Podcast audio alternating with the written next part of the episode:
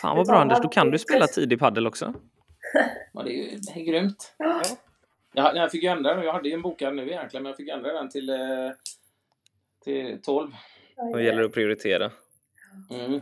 Ja. Nej, nu, nu kommer jag starta. Nu säger vi varmt välkommen till Skillspodden, Elin Rubensson.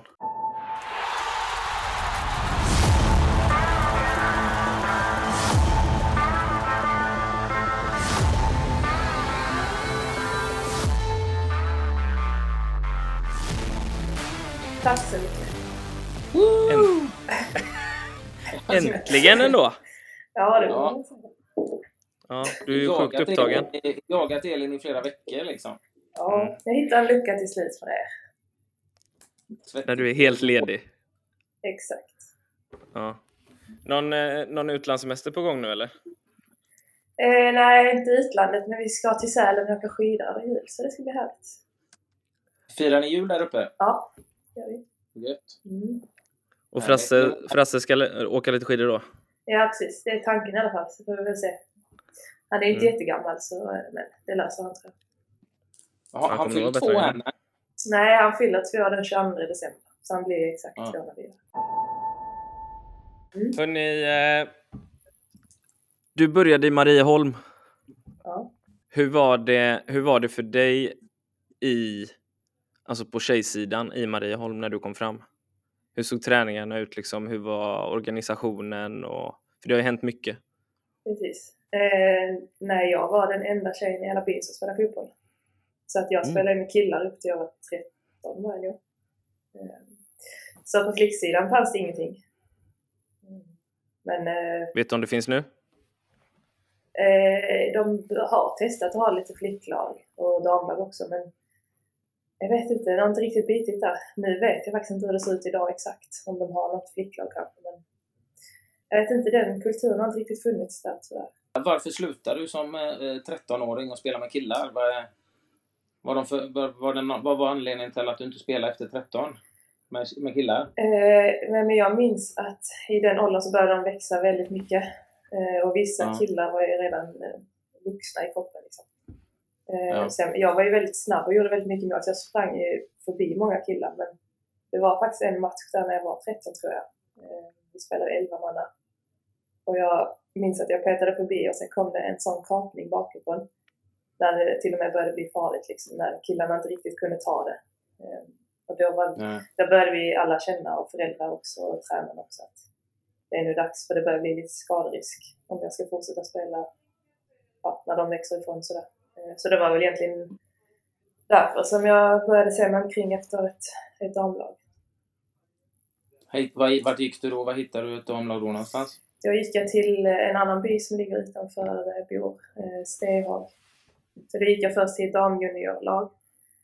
Ehm, och sen ja, spelade lite med damlaget också, men vi var nästan bättre vid damjunior.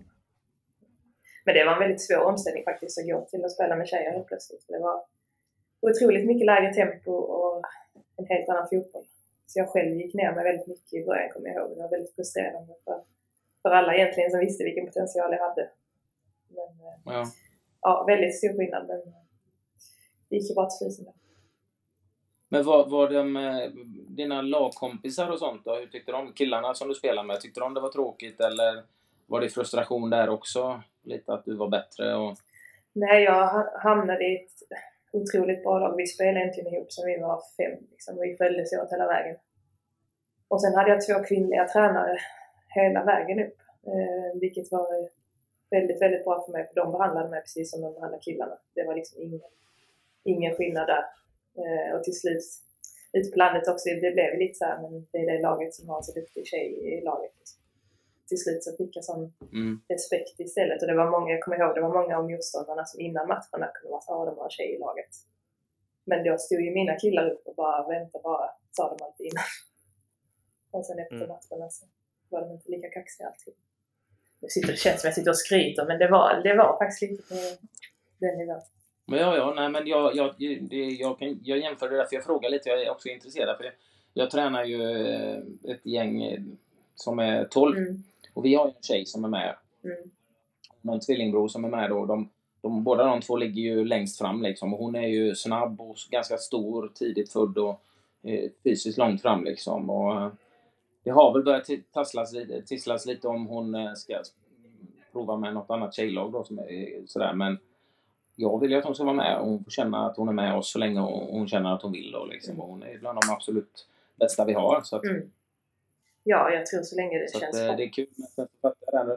Kommer upp, ni närmar er oss den åldern då som du säger att du flyttar då. 13 blir de ju nu nästa år. Då. Mm. Men hur ska man Men- värna om henne då? Ja, det...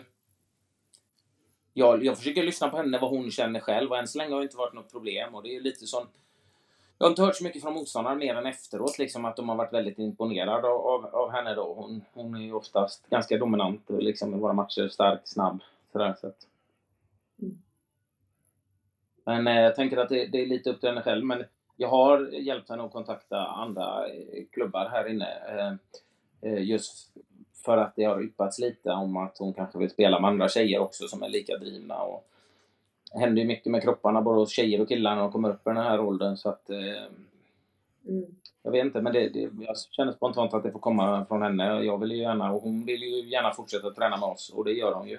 Och det får hon göra så länge hon vill. Mm. Träna och spela med såklart. Jag tror jag gjorde ett tag också att jag trä, fortsatte träna något pass med killarna för att just få det tempot. Och sen så... sen så spelade jag... Ja, frugan ska åka till jobbet. ja, Ja. Nej men att jag tränade något pass med, med killarna då och då och sen eh, så spelade jag matcher med, med damlaget.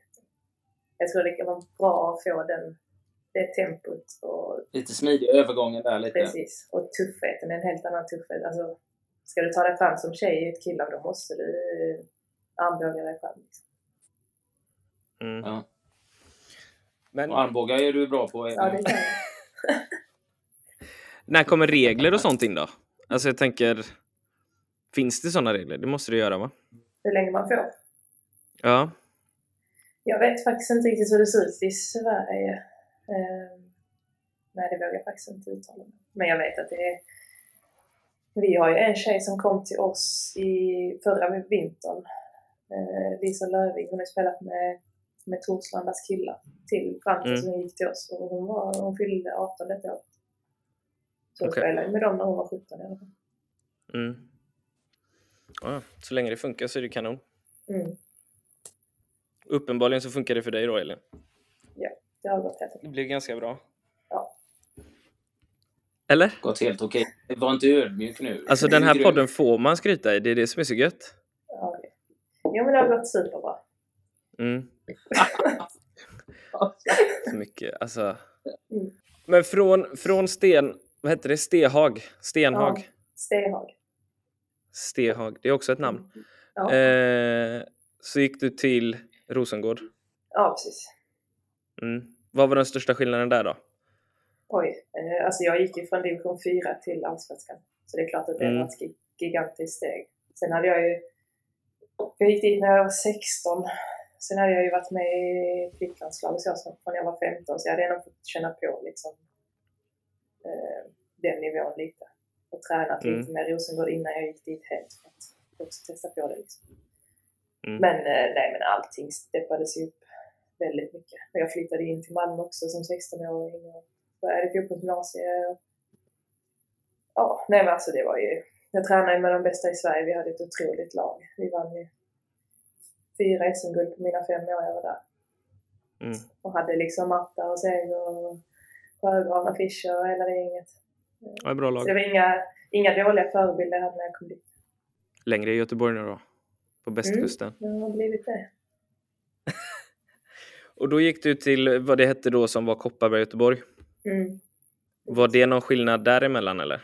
Organisatoriskt, träningar? Eh, jo, men lite annan organisation såklart. Eh, men fortfarande en av, det var ju Göteborg och Rosengård och men Linköping som liksom var toppklubbarna, så det var ju en toppklubb. Men jag kom ju till, till Kopparberg med lite andra, så jag skulle få en annan roll, det visste jag. Jag skulle bli den, eller en av de viktigaste spelarna. Och det var säga den viktigaste spelaren. Så att man Du får säga det. Nej. Jag hejdar mig där. Nej, men jag... eh, Det får klippa. Ja, jag Eh, fixar det. Ja, nej, men jag visste att jag skulle få en viktigare roll när jag kom till Kopparberg. Och få spela mycket. Jag hade fått sitta lite på bänken i slutet i Rosengård. Det var därför jag bytte också. Mm. Jag hade en av min landslagsplats och vi skulle spela VM året efter. Eh, det var det jag siktade på liksom, och det visste jag att jag, jag behöver spela matcher med klubblaget. Mm. Eh, och så blev det också. Fick ju spela väldigt mycket. Vad känner du? Halkar vi efter på damsidan? Eh, jo, men eh, det gör vi. Eh, om man ser till utvecklingen som har, som har skett i Europa senaste ja, två, tre åren så har det exploderat. Liksom. Och det är för att de här storklubbarna, om du ser engelska ligan, det är, det är de stora herrklubbarna som har insett värdet i damfotboll också. Och Mm. även i Spanien och Italien eh, med Juventus och Barcelona. Alla de här storklubbarna har investerat otroligt mycket i damfotboll och fått utdelning.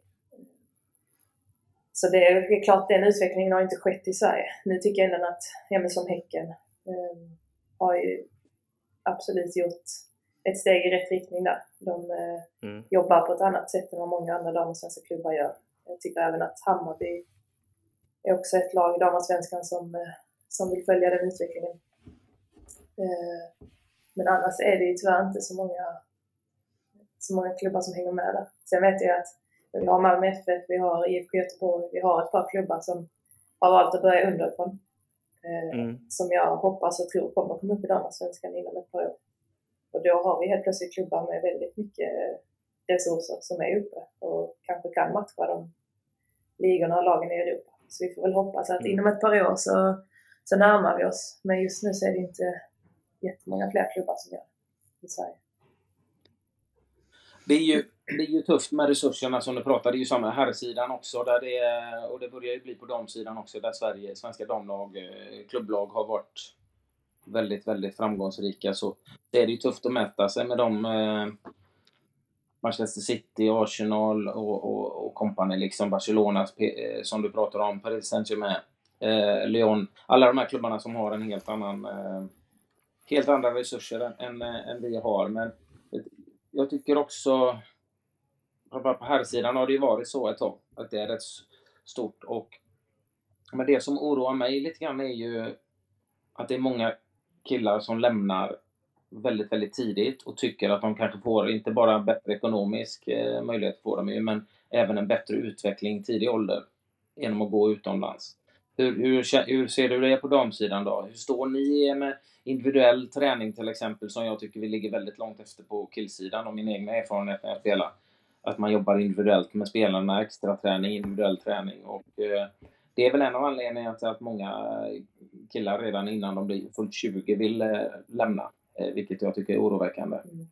Jo, men på killsidan är det väl så att de vill ut i ungdomsakademierna, men jag tror inte riktigt de akademierna finns på flicksidan. Eller jag har inte... Ännu? Nej, jag har inte hört... Jag vet inte om jag har hört någon som har gått till någon... Alltså som ungdomsproffs på flicksidan. Utan då är det istället att men vi, kan, vi kan ha spelare från elitettan och lite mer oetablerade spelare som går utomlands för att nu, nu kan man gå utomlands. Det kunde du inte för fem år sedan som damspelare om du inte gick till en toppklubb. Men nu kan du gå till ett bottenlag i engelska ligan eller ett bottenlag i spanska ligan. Och ändå kunna leva Mm. lite gött och tjäna lite pengar mer än vad du gör i kanske ett bottenlag i damallsvenskan eller elitettan. Så det är en annan möjlighet att men, se det som ett äventyr och sådär. Ehm, Så visst, det är fler spelare som lämnar för att möjligheten är större. Men just, just som ja, man går till flickakademi, jag vet ju, det har jag inte hört något faktiskt. Sen är det ju... Kanske, men det är ändå lite oroväckande Mm. på killsidan. Det är det, jag menar, det, jag har ju spelare som är 19 år, gjort en halv säsong i Allsvenskan bra, men som nästan väljer att gå till en eh, andra liga i Tyskland eller Belgien för, eh, för att de känner att de får bättre förutsättningar för utveckling. Mm. Sen är det ju, det har, vi, det har vi pratat om innan också, att snittåldern på dam, damsidan är lägre eh, till att börja med. Vilket innebär att finns det en 15-16-åring som ligger jättelångt fram så behöver inte hon gå utomlands utan hon kan satsa på att faktiskt försöka ta en plats i ett damallsvenskt lag istället för att gå utomlands tidigt. Och då håller ändå damallsvenskan i Sverige hög nivå jämfört med övriga europeiska ligor. Så är det ju inte på killsidan. Hur jobbar ni med individuell träning, eh, individuell utveckling eh, i Häcken och hur var det i Rosengård? Är det någon skillnad? Har du märkt någon skillnad på de senare åren att man jobbar mer med individuell utveckling av spelaren? Alltså nu när jag är i Häcken så, som jag sa innan, så jobbar de på ett helt annat sätt än vad man har gjort på damsidan innan tycker jag. Eh, nu handlar det mer om att fånga upp de yngsta talangerna eh, som ändå klarar av vår nivå liksom, och utveckla dem för att ja, men sen kunna sälja dem eller ja, utveckla dem på ett helt annat sätt. Förr var det kanske lite mer att man plockade in spelare för att vi skulle vinna den säsongen. Det var inte lika långsiktigt ja. liksom, utan nu jobbar de mer för att ja, men fånga upp dem tidigt, utveckla dem på ett helt annat sätt samtidigt som vi mer äldre etablerade spelare också har den möjligheten att utvecklas. Liksom. För det är inte att man bara jobbar med de unga men det är ett annat fokus. Liksom. Man tänker lite mer lång, långsiktigt, jag förstår, och det, tycker, det gillar jag ju, mm. att man tänker på utveckling och inte bara kortsiktiga, kortsiktiga mål. Men jag, jag tänker just individuell träning som vi, vi pratar mycket om i podden är ju eh, vi är väldigt duktiga kollektivt i Sverige och alltid varit och det ska vi fortsätta eh, behålla. Men det är, i alla fall nu är det ju ett tag sedan jag slutade spela, men det var ju sällan man bröt ner och jobbade med spelarna i individnivå. Vad, vad de behöver jobba på. Har man någon spetskvalitet kan man förfina den för att eh, liksom att man bryter ner och jobbar individuellt liksom, med spelarna på det sättet. Det gjorde man ju inte. Det, utan det var ju slutet av min karriär så var det enbart i så fall styrka eller möjligtvis kondition då, om man behövde det extra. Men eh, mycket styrketräning, privat, personliga program, men sällan i själva fotbollsteknikbiten. Hur gör ni där? Gör ni no jobbar ni med något sånt i Häcken? För ni har ju fina faciliteter. Mm. Eh, redan träningsanläggningar så tänker jag. Men jag vet inte. Det svåra är ju om man är två, tre tränare. Eh, bara om man har en trupp på 25 spelare så är det svårt att se till alla individers olika behov. Men finns det någon som jobbar med personlig utveckling i klubben idag? Jo, men det är där vi har, vi har en hel ledarstab. Eh, och det som du säger, vi, den fysiska biten har vi två personer som jobbar med oss individuellt och vi har egna program liksom som man får följa upp. Eh, och sen i början av den här säsongen satte vi oss ner med en av våra, eh, våra tränare, eh, assisterande tränare och satte upp en individuell utvecklingsplan eh, fotbollsmässigt. Ja. Eh, mm. Sen hade vi liksom kontinuerliga, möten under hela säsongen. Tittade på klipp individuellt från matcher. Eh, följde upp liksom hur följer jag min plan? Är det något jag vill ändra eller hur ser det ut liksom? nu till sina semestern så utvärderar vi året. Så att vi, vi har absolut jobbat med individuell utveckling på det sättet. Och de, de resurserna finns ju i Häcken. Liksom. Vi, vi jobbar ju från åtta till halv tre varje dag nu jämfört med när vi var i Kopparberg där vi kanske var på anläggningen i två och en halv timme. Nu är vi där en hel dag och kan sitta ner och ha möten och ja, gå igenom sånt för, för att kunna utvecklas. Grymt. Vad blev du, jag trodde du skulle bryta in här Marcus. Jag gav dig en möjlighet. Jag trodde du skulle vara förbannad på mig. För att min fråga var ju nästan upp mot tre minuter igen ju. Mm, ja, nej, det var det enda jag satt och tänkte på nu, hur jag ska kunna korta ner den. För att du pratar ju också utan skiljetecken. Så du sätter ju inte punkt eller komma eller någonstans. Så det är helt omöjligt att klippa. Det är bara en lång ljudfil. Men försök att klippa bort mer av dig själv istället. Jag, tror jag gör mitt bästa. Jaha. Eh, du, var, var, du, eh, var du någon gång sugen på ett utlandsäventyr?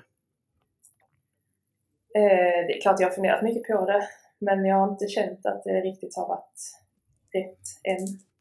Men sen har jag fortfarande inte stängt dörren utan som sagt, det är först nu de här sista åren som det verkligen har hänt grejer. Mm. Ska jag utomlands då, då vill jag komma till något, till något riktigt bra där jag känner att jag, jag får känna på högsta, högsta nivå. Liksom. Mm. Så vi får väl se. Jag har absolut inte stängt dörren. Men du, hur ser du på, du har ju de senaste åren också, eh, jag hade inte jättebra koll på dig när du spelade ungdomsfotboll då. Eh, för då hade inte jag träffat dig ännu, men, men eh, du har ju spelat på lite olika positioner och sådär. Mm.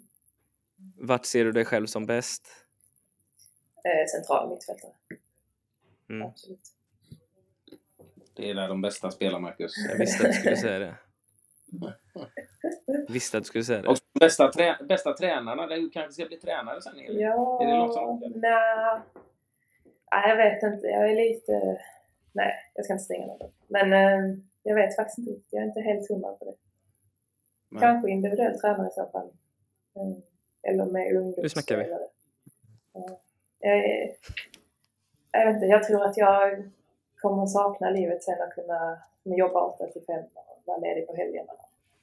Eller jag kommer, jag kommer längta till det. det, det. Ja. Mm. Så det är bättre att jobba med individuell utveckling och lite friare kanske? Då. Ja, precis. Och inte behöva boka upp varje helg och åka på bortamatch. Nej. Jag hör dig. Jag hör dig. Ja. Vad, eh, om vi ska gå in lite på, på fotbollsutveckling igen bara. Vad, vad, vad tror du är svensk fotbolls största utmaning framöver? Eh, oj, det var en stor fråga. Ja. Ja. Jag vet att alltså, en, någonting de har jobbat mycket med, i alla fall på flicksidan, är att få, få så många flickor och tjejer att fortsätta spela fotboll. För det är väldigt många som slutar i, i högstadieåldern. Mm. Mm. Just där när man ska ta beslutet att vill jag satsa eller vill jag inte satsa? Eh, Mm. Och där är det många som men kanske ger upp lite enkelt eller tidigt. Eller... Och vad det beror på vet jag inte. Men eh, det vet jag, det är något som jag jobbat väldigt mycket med.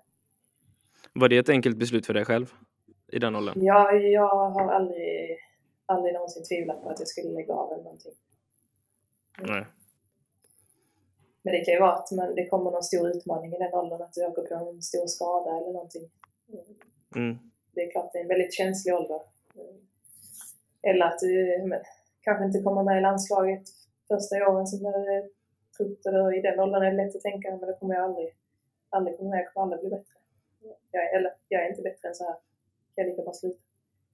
Jag Mm. har också hört många resonera. Så det, jag tror det som är viktigt där är nog att man har bra tränare och ledare som kan få en på rätt spår. Liksom.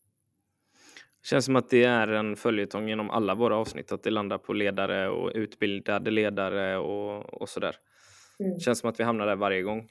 Tror ni att vi, alltså jag fattar att resurser gör ju ganska stor skillnad, men är det liksom är det bara pengar som gör att vi kan gå framåt?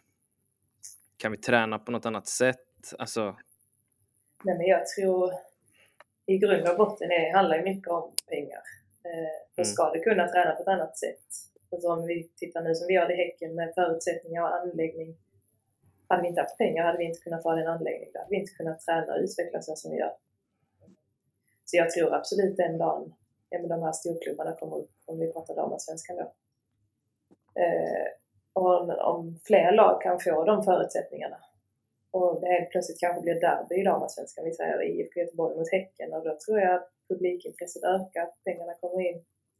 Fler tjejer ser att oj, det är möjligt att spela så stora matcher i Sverige. mm. Men jag tror allting sitter ihop, men absolut i grund och botten så krävs det en investering från klubbar och från även alla egentligen. Vad säger du Anders, har du somnat eller är du inne på Instagram eller någonting? Eller? Nej, jag, lys jag lyssnar. Jag, det, det är klart att det är en resursfråga. Jag tycker ni är inne på det innan också, det här med ledarna. Att ha bra ledare, det är ju en förutsättning att utbilda våra ledare och bli så bra som möjligt. Det är ju en förutsättning för att vi ska utvecklas och utvecklas på rätt sätt. Eh, sen är det ju också en, en resursfråga då såklart. Eh, om man jämför med de stora klubbarna som har kan ha tio anställda tränare till ett eh, seniorlag liksom, medan vi i Sverige kanske har två eller tre. Eh, men jag tror också som, eh, som Elin är inne på det här liksom att det hänger ihop lite grann. Mm. Eh, så att, eh, men det, jag, jag är ju lite inne fortfarande på eh, att vi behöver ändra lite grann på hur vi tränar också. Jag vet inte, eh, kan inte jag säger det för ofta vilket gör att jag blir lite trött på mig själv men Mm. eh, det är ett tag sedan jag slutade och jag, jag vet att mycket har förändrats sedan jag slutade liksom, men det är ändå inte så länge sedan och jag tyckte ändå det var skrämmande när jag spelade mina sista år. Som är, vi snackar sex år sedan. Liksom. Det, att vi fokuserar så mycket på vad vi ska göra när motståndarna har bollen i svensk fotboll. Och jag tycker att det är någonting som speglar av sig. Inte på tjejsidan, för tjejerna tycker jag de har ett eget spel. Jag, tycker jag har varit otroligt imponerad de senaste turneringarna när jag sett eh, Sverige spela. Men tittar man på herrlaget så är det som man medvetet lämnar över initiativet. Vi provade ett par matcher 4-3-3 och försöka vara lite mer possession, lite bollförande. Det gick inte, så var vi tillbaka till 4-4-2 och låta motståndarna ha bollen och, och det gör att vi... För mig blir det en kortsiktig lösning att eh, ja, vi får bra resultat kortsiktigt men vi utvecklar inte våra spelare och närmar oss övriga Europa. Om man tittar på våra grannländer Norge och Danmark, hur många spelare de har eh, som spelar, eh, hur mycket speltid de får i sina klubblag kontra våra svenska spelare. Återigen Elin, nu är inne på här sidan. Här sidan är ju den, den är ju, det, det är mer herrspelare liksom och, men, och där är det, jag tycker i dagsläget större problem. På damsidan är vi bland världens bästa och vi spelar väldigt, väldigt bra tycker jag just nu.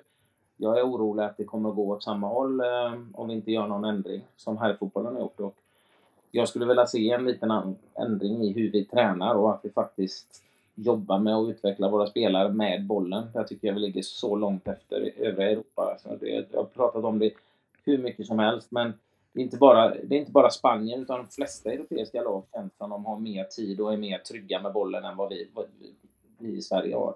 När man ser Sverige, Sveriges herrar spela.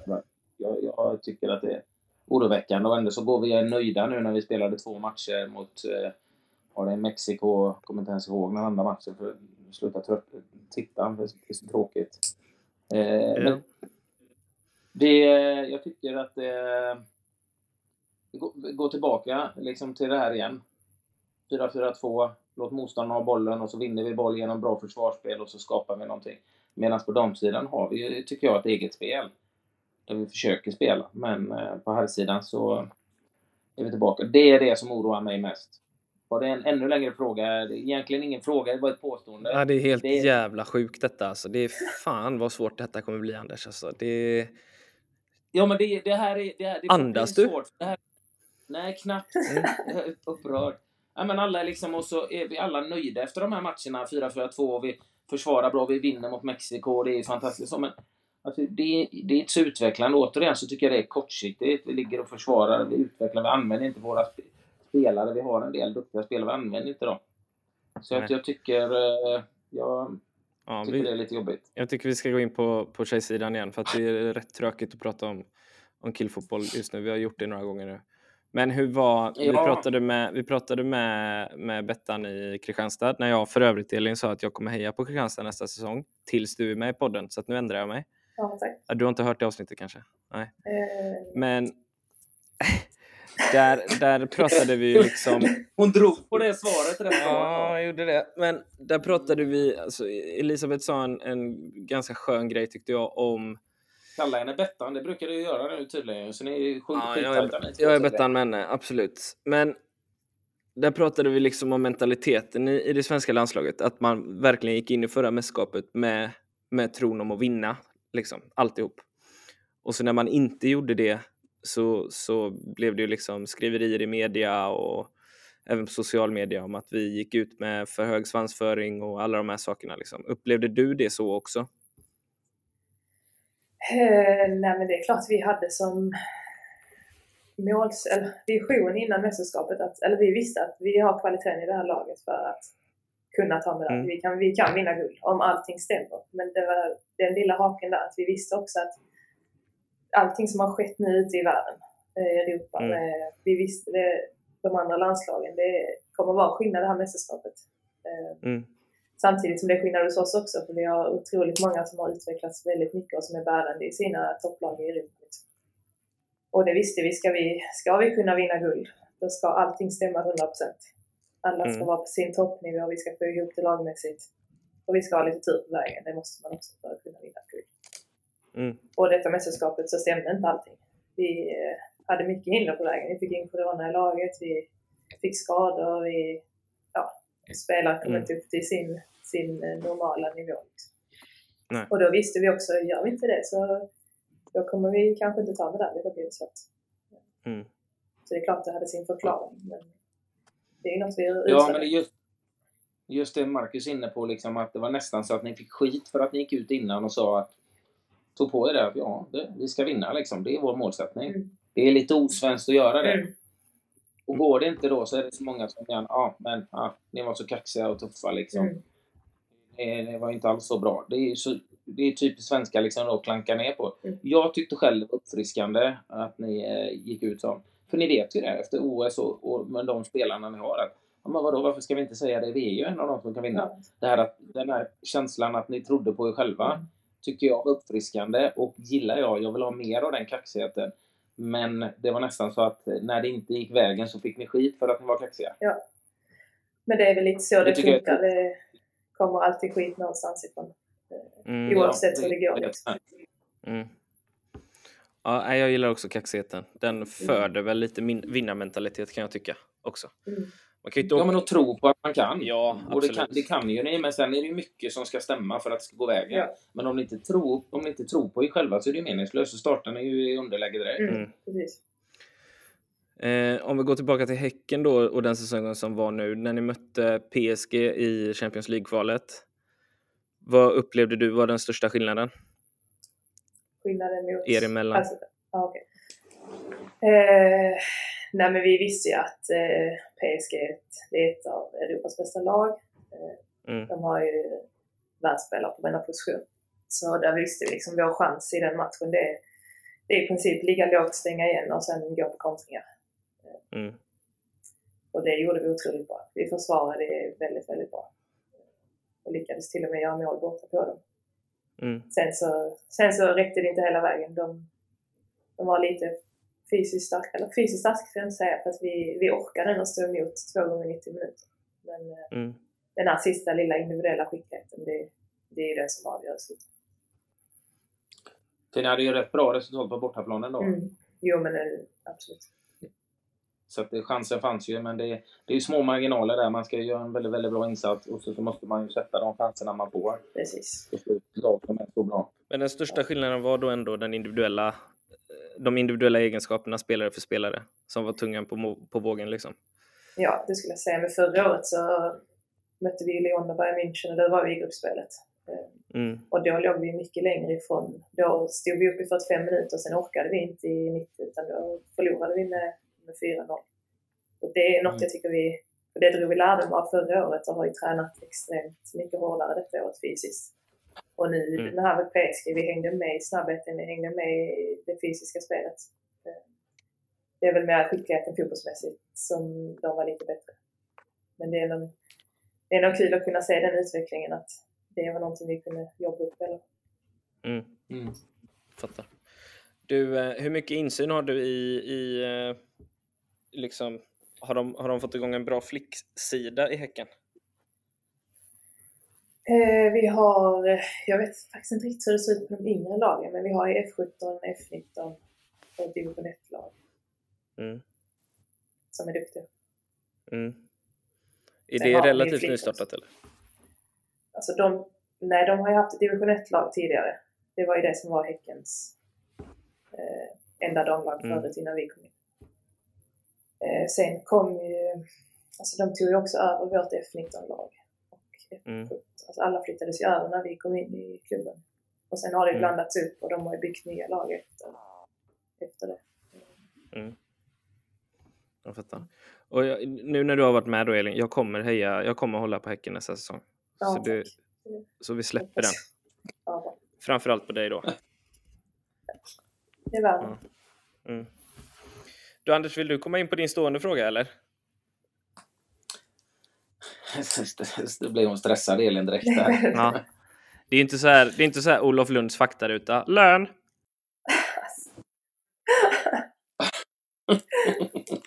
Semesterställe. Käppakrig! Vad sa du? Han säger att hockey är Ja. käppakrig. Käppakrig. Käppakrig! Käppakrig. Fan, Vad bra du var på att 100 imitera. procent i Olof Lund-imitation alltså. Ja, den är, riktigt, Nej, den är den är imponerande. Marcus. Faktiskt kul att du hittar någonting som du har talang för. Ja, alltså, ja okej. Ja, Ja, Mm. stort tack. ja. Kom till din stående Eh, fråga. Min, min stående fråga, eh, Elin, är ju då, eh, som vi ställer till alla. Eh, eh, du känner till rondo eller kvadrat och rektangel, den här öv- fotbollsövningen? Mm. För eller emot? Oh, jag har faktiskt varit emot länge men nu börjar jag bli för. Oh. Eller va? Var det fel svar? Det var jättefel. Vad är det för fel? Det här är ju fan magiskt bra alltså. Äntligen också Nej. ett spelarperspektiv. Det här är ju fan intressant på riktigt. Ja, det är, nej, du, du, nu, du får, känner att jag, du får förklara det här medan jag tar några djupa andetag bara. Varför jag inte har gillat det? Varför? Ja, exakt. Jag älskar när, när det är olika åsikter, speciellt när de andra har fel. Men så förklara gärna hur du tänker. Nej men, ja. Nej men innan har det ju varit att man skulle gå ut och köra kvadde som uppvärmning. Kanske innan vi ens Ja. har värmt upp. Och då drar jag ju Mm. mina baksidor. Ska man eh, sträcka sig Ja. efter bollar och, och sen åker Du är för explosiv, det är ditt fel. Precis. Och sen åker jag ju på tunneln, jag är ju för hjulbent.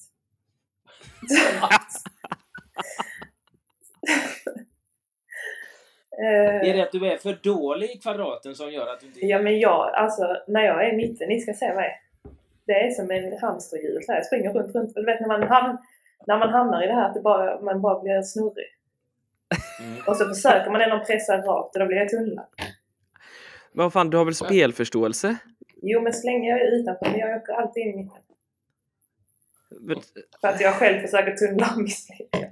Ja, Okej, ja, jag fattar. Ja. Men, men, om du, eh, men du säger när ni kör den innan, då går Nej, inte längre. Det här, det här är att du får problem, du är inte igång. Men är det någonting annat som du tycker är, att den gör att den är si sådär eller? Ja men nu talar jag hur det var förut, för nu har vi alltid uppvärmning. Och nu kör vi kvadde och det är... Men förr också, jag, jag vet inte, det är inte kul när det inte blir jättebra kvalitet alltid. Exakt, och det är ju det, det som är det viktiga. Och det är ju det som är väldigt många, eh, tror jag, upplever att man kör kvadden. Det är som du säger att ni spelar själva, ja men nu gör ni kvadden, ni värmer upp, ni gör den innan uppvärmning. Det är ju faktiskt en av de, enligt mig då, en av de bästa övningar du kan göra. Men många svenska tränare gör ju den som, ja, ja men kör ni kvadden en stund Mm. och så helt fritt. Vilket gör att många spelare gör den bara på lattjo Mm. för att göra tunnlar, försöka göra tunnlar, skratta, slarva, slå passningar, klackar och hålla på och sånt där. Att det bara är lek, vilket kan vara bra ibland just för att få det sociala när man behöver lätta upp stämningen. Men det är ju faktiskt så otroligt många moment i den som är bra. Det här med att visa sig, göra sig spelbar, spela på ett tillslag när det ska spelas på ett tillslag, sätta passningar med rätt hårdhet, spela eh, ur press in i en yta, kommunikationen du får upp, även som försvarare där inne att jobba. Mm. Är ju att jobba tillsammans liksom och styra och pressa. Så jag tycker det är en av eh, de bästa övningarna du kan göra om den görs rätt. Och för att den ska göras rätt, då ska den ju inte vara då ska den ju vara i, i, eh, i träning under eh, en tränares ledning så att den görs rätt så att den inte blir halvdan. Och kanske eh, när de gamla sletna människorna som får problem med baksidor är ordentligt uppvärmda. Precis. Och det är faktiskt något det här året. Själv har jag aldrig haft det problemet. Hmm. Nej men det här året faktiskt, vår tränare hade typ precis det här snacket som du hade nu eh, i början av säsongen och sa det att vi kommer göra kvadden mer men vi kommer ha ett syfte med det. Och nu har det blivit som det kan vara första övningen liksom efter, efter uppvärmningen.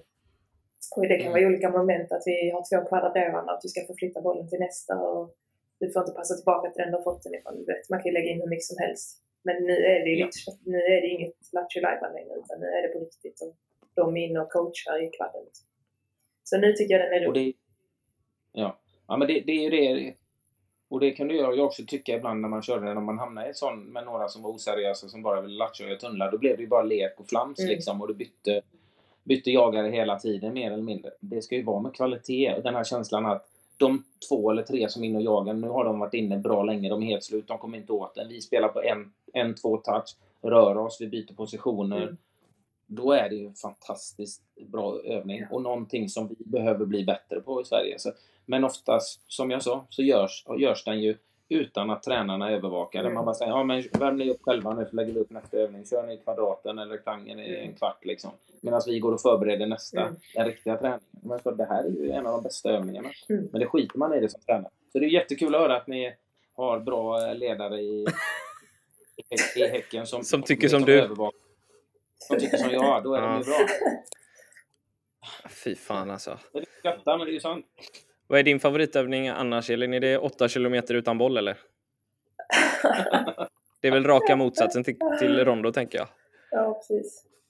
Eh, Eller är det att stå inomhus och bara trycka upp bollar i, i exet? Ja, Tonka Challenge. Ja, den Undrar har du inte jag ens hade löst gjort. den idag. Jo. Jag Har du gjort jag den eh, första eller?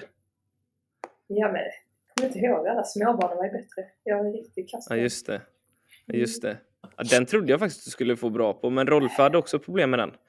Mm. Ja, men det är samma när vi spelar små, alltså på träningen. Du vet, man kör på session så här riktigt små mål. Ja. Kommer man fri mot ett sånt mål, alltså jag missar varenda. Det är, är ju bara mentalt. ja, det är det faktiskt. Men det är du som har bra spelförståelse, är snabb i huvudet. Liksom. Och en magisk fot. Måste, Ja, ja, bra. Men, eh, alltså, du måste ju älska sådana övningar. ja men jag älskar dem, men jag missar mål. Vi kommer, att öppna, vi kommer att öppna ett center här nu inom ett eh, halvår i Göteborg, eh, eh, Elin, och då ska vi, ska vi jobba med eh, att bryta den här förbannelsen. Att du ska kunna träffa ett öppet mål. Ja, Det måste, vi, det måste vi faktiskt ordna. Du, du får inte bomma såna enkla liksom. Och så gör du bara Nej. svåra mål sen. precis. Vad är vi det? har, Elin, vi har, nu pratar jag Marcus tyst. Mm. Vi har ju faktiskt ett nytt test nu som Marcus har varit eh, högst delaktig att ta fram som, är, som vi ska göra med dig. Okej. Det är ju motsvarighet eh, till jojo-test och styrketest, men där vi tränar din spelförståelse Ja. och teknik Okej. och touch. Mm. Så att vi, vi kan mäta och se hur eh, bra touch du har, hur bra spelförståelse du har, hur snabbt du löser olika saker och eh, hur många bollar du sätter i rätt bur. Ja. Du kan se det lite Det som att Anders är Svennis och jag är Tord Grip. Så jag är lite hjärnan bakom. Ja, okej. Ja. Mm. Nej, men det, där, eh, där tror jag du... Det ska bli intressant att se var du ligger, för jag tror du ligger ganska högt Ja. där. Mm, Du jag under, undervärderar dig själv, men det handlar mycket om touch och spelförståelse, så Marcus har svårare i de övningarna. Men ja, du har det ganska lätt för det. Ja, jag fick ju ganska så... eh, Nej, Marcus har gjort det 107 gånger, så men- nu har han bra skott. alltså. Du är så jävla trött alltså. Det blir mycket att klippa i den här podden kan jag säga. Nej, men det, och det är roligare test än att göra jojo-test, även om du älskar jojo-tester. Ja, älskar det. Eller du kanske föredrar när man springer på löparen med sån här mask. Ja, men här- det är härligt. Då är gjorde man du- inomhus. man springer tills man bryter ihop. Ja, men Det har vi faktiskt inte pratat så mycket om. Ja. Men eh, när, när Frasse kom till världen, ja. tränade du på något speciellt sätt efter det eller? För du var ju tillbaka fort. Ja, Det kan du inte säga annat eh, om. Nej, det kan jag inte göra. Eh, nej, alltså ja, det är klart. Jag hade ju ett individuellt program de första månaderna för att ja, det var mycket Tog klubben fram det eller? Eh, ja, vi, vi har läkare och sjukgymnast. Och ja, Ja. det var inte så många andra tidigare, eller innan mig, som har gjort samma resa. Så Nej. vi fick försöka ja, men leta oss fram lite vad som var bäst. Eh, Mm. Och sen känna efter mycket hur, hur kroppen reagerar. Liksom. Sen gick ju allting väldigt bra och jag återhämtade mig väldigt snabbt. Mm. Så eh, ja, jag följde programmet, gick snabbare än förväntat. Sen även om jag spelade ju första tävlingsmatchen efter typ tre månader tror jag. Mm. Men jag skulle inte säga att jag var tillbaka i full form förrän efter, efter sommaren kanske. Så efter ett halvår. Ja, hur, kändes, hur kändes kroppen där efter tre månader liksom? Alltså hade du gått ner dig konditionsmässigt? Hade du gått ner dig med boll? Alla de här sakerna? Eller hur kändes det? Ja, alltså. Det var frustrerande, det minns jag. Eh, för jag, när Mm. man vet vilka kvaliteter som man har, men kroppen inte gör som man vill. Vet jag, jag kommer ihåg vi spelade mot något division 1-lag och jag skulle ja, man rycka förbi en ytterback på kanten och jag kom ingenstans. Hon Nej. gick bara in och bröt den och tänkte här hade jag ju lätt kommit förbi om min kropp hade varit i normaltillstånd. Liksom. Så det var ju sådana, explosiviteten fick jag ju jobba upp. Mm. även touchen och allting. Så allting tog en sekund extra att koppla, kändes det som, från hjärnan till muskeln. Mm. Men eh, fysiskt sett så jag har ju slått alla fysiska, alltså rekord i alla fysiska tester efter graviditeten. Så det har varit. Det är ju fan otroligt jävla bra. Mm. Då är det bara kvadraten kvar. Men vi ordnar det. Vi fixar det. Nu måste jag gå och filma. Ja, gör det. Ja, Tack för idag. Jag måste också värma upp eh, så inte baksidan går, för jag är så explosiv. Stort tack Elin för att du var med och Ja, snackade lite med oss. Tack själva. Kul att se er. Hälsa familjen och ta hand om Det dig. ska jag göra ni med. Då.